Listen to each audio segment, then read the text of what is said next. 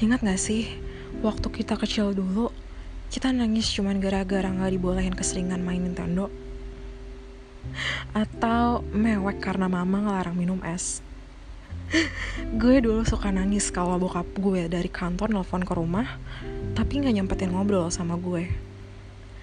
Yes, sesepele itu. Sepele karena di usia sekarang ini kita udah ngelewatin makin banyak hal yang jauh lebih kompleks dari sekedar nggak dibolehin mainan contohnya. Maksud gue jangan cuman gara-gara perkara yang lo anggap bisa bikin si X down bukan main, lo lantas beranggapan kalau dia orang yang lemah. Masing-masing dari kita punya porsinya sendiri. Ada masanya sendiri mereka mengalami momen yang emang tepat buat mereka Biarlah itu jadi batu pengasah yang bikin dia makin tajam. Biarlah itu jadi sarana untuk membuat dia semakin kuat melewati tahap-tahap berikutnya.